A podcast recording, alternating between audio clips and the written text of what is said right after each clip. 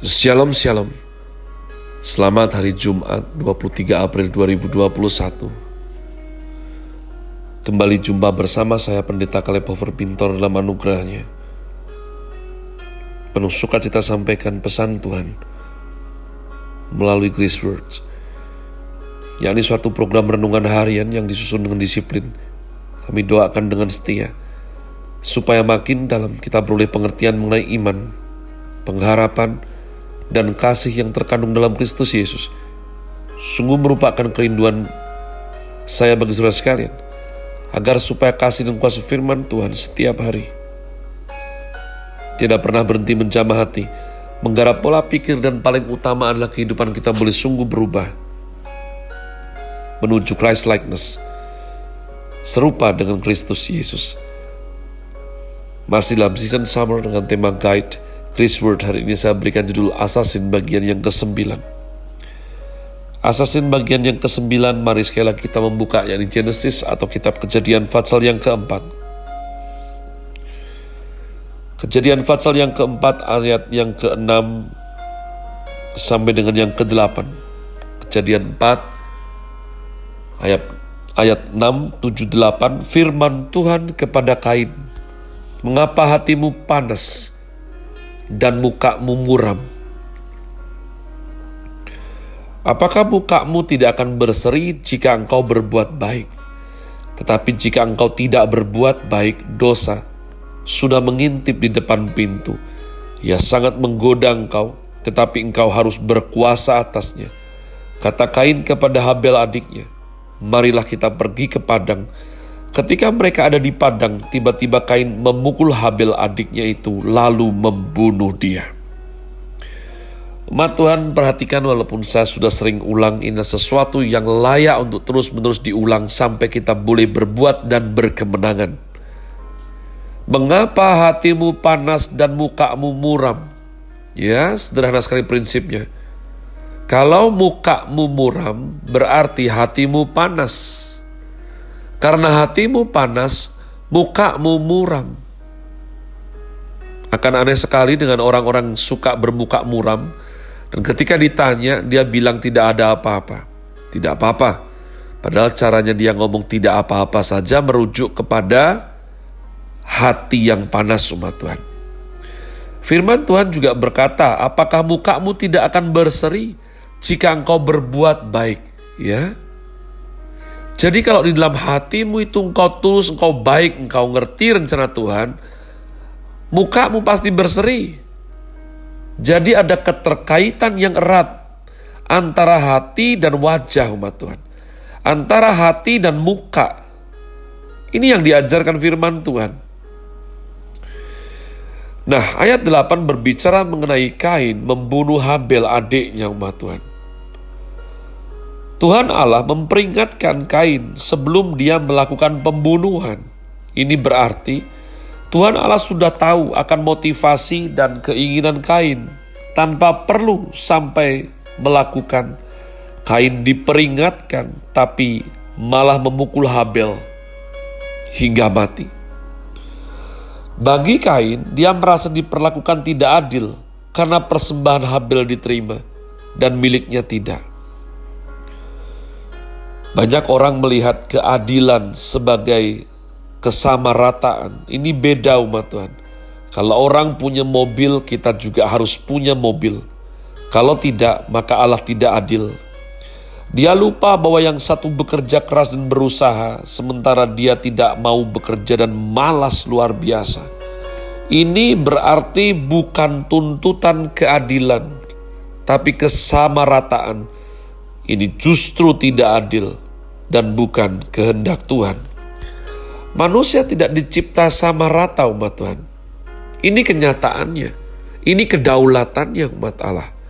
Ada yang sangat pandai, bahkan ada yang jenius, ada yang biasa-biasa, bahkan bodoh sekali. Ada yang sangat cantik, ada yang biasa saja, ada yang tampan rupawan, ada yang sungguh-sungguh tidak enak dipandang dalam prinsip Tuhan, yang diberi lebih, dituntut lebih. Maka keadilan harus dituntut melalui pelaksanaan kewajiban bukan kesamarataan. Ya, saya berusaha berjuang untuk tidak pernah mau iri di sepanjang hidup saya. Kamu tanya apakah saya pernah iri? Sering. Dan iri ini membuat hati panas muka muram. Apa hasilnya? Kehilangan damai sejahtera. Apa hasilnya? Sulit berdoa umat Tuhan Apakah ada keuntungan untuk kita iri? Tidak ada. Ya, semuanya rasanya salah dan tidak pada tempatnya. Oleh karena yang saya berjuang umat Tuhan untuk tidak iri lagi. Saya tidak ingin membandingkan dengan kekayaan orang lain. Maka saya bisa memberi persembahan. Saya tidak ingin lebih pandai. Semua kepandaian yang Tuhan beri, saya gunakan semaksimal mungkin untuk kemuliaan Tuhan Intelektualitas adalah harta yang harus kita pertanggungjawabkan kepada Tuhan. Seluruh hidup kita harus kita jalani dengan semaksimal mungkin umat Tuhan. Arahkan matamu untuk sesuatu yang mulia. Hidup kita ini kita kerjakan untuk dilihat Tuhan. Jadi ketika engkau mengerjakan sesuatu yang bukan untuk kepentingan kerajaan Allah, bayangkan apa yang terjadi umat Tuhan. Kau sedang kerjakan apa dalam hidup ini? Kenapa engkau bersusah payah untuk sesuatu yang tidak ingin Tuhan engkau kerjakan? Sedangkan untuk sesuatu yang Tuhan ingin kau kerjakan, engkau berleha-leha. Engkau berlambat-lambat. Engkau bersembunyi di balik kata proses. Jadi umat Tuhan, ya, setelah Kain membunuh Habel, dia pikir semua sudah beres. Apakah setelah membunuh Habel karena korban Kain ditolak oleh Tuhan, maka kini setelah dibunuh korban Kain akan diterima? Tentu saja semakin tidak diterima. Maka tindakan pembunuhan ini sama sekali tidak menyelesaikan masalah Kain. Tidak menjadikan semua beres, sebaliknya kini semua semakin tidak beres. Kain tidak merasa bertanggung jawab dan tidak merasa harus menjaga adiknya. Penjaga kah aku. Dia lupa bahwa hidup harus mengasihi. Dia lupa hidup harus takut akan Allah. Mengasihi sesama manusia. Inilah etika salib Kristus. Vertikal dan horizontal. Darah Habel berteriak kepada Tuhan. Inilah profetik yang pertama kali.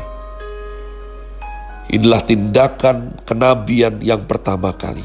Tuhan Yesus berkata, dosa membunuh nabi-nabi dari Habel sampai Zakaria dilimpahkan atas generasi ini.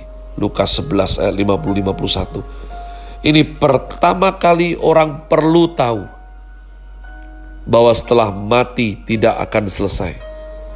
Mati bukanlah akhir. Setelah mati masih bisa berbicara. Mungkin Habela orang pertama yang meneriakkan hukum keenam dalam sepuluh perintah Allah. Di sepanjang sejarah, orang Farisi dan ahli Taurat juga merasa kuat dan membunuh Yesus. Dan berbagai orang yang merasa kuat membunuh yang lemah ide pokok daripada pembunuhan atau melanggar hukum keenam adalah dia ingin dipuaskan egonya. Kamu harus tidak ada. Kamu harus kuhilangkan sebab keberadaanmu itu meresahkan bagiku. Umat Tuhan. Hidupnya tidak melihat Tuhan Yesus. Hidupnya tidak mengerjakan firman Tuhan Hidupnya melihat orang yang tidak disukainya, orang yang dibencinya, dan dia diikat oleh iblis. Tipu daya iblis ini sehingga seumur hidup tidak melakukan apa-apa selain berkerinduan untuk yang dibencinya itu celaka.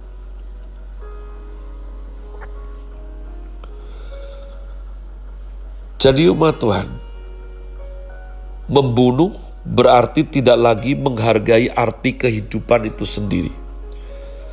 Membunuh berarti menghina nilai hidup manusia.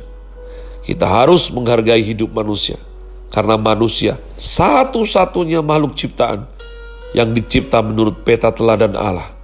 Agama-agama lain yang mengajarkan untuk jangan membunuh, tetapi mereka tidak mengerti batasannya, sehingga ada agama yang memperluas hukum ini sampai tidak boleh membunuh nyamuk sekecil apa pun. Tidak boleh injak semut yang kecil. Ini akibat dari mereka tidak mengerti peta teladan Allah Inilah bedanya kitab suci dengan ajaran agama-agama lain. Tuhan pencipta manusia membuat garis batas yang tegas antara manusia dengan semua ciptaan lainnya. Namun juga ada ekstrim yang ke kiri, umat Tuhan. Orang-orang yang merekayasa hukum keenam ini, jangan membunuh kalau saudara sendiri. Kalau bukan saudara sendiri, darahnya halal. Itu juga ada. Jadi umat Tuhan, ini harus kita betul-betul pelajari. Ya, ketika ada seorang mengajarkan jangan membunuh ayam, nanti engkau mati lahir lagi jadi ayam. Jangan membunuh kucing, nanti kamu mati bangkit jadi kucing. Di belakangnya ada seorang anak yang menguntit. Setelah dia diam, anak itu melanjutkan. Jangan membunuh manusia, nanti setelah mati lahir lagi jadi manusia. Jadi tidak apa-apa membunuh manusia, toh nanti lahir lagi jadi manusia. Di sini kita melihat bahwa logika dari pernyataan agama tersebut sangat lemah sekali. Berbeda dengan berita firman Tuhan yang adalah kebenaran. Firman di mana tidak ada lowongan sedikit pun bersifat kontradiktif. Firman tidak ada celah sama sekali apa yang kau anggap bertentangan itu se ternyata adalah ya paradoks yang saling melengkapi, saling memperindah satu sama lain. Have a nice day. Tuhan Yesus memberkati saudara sekalian. Sola. Grazie.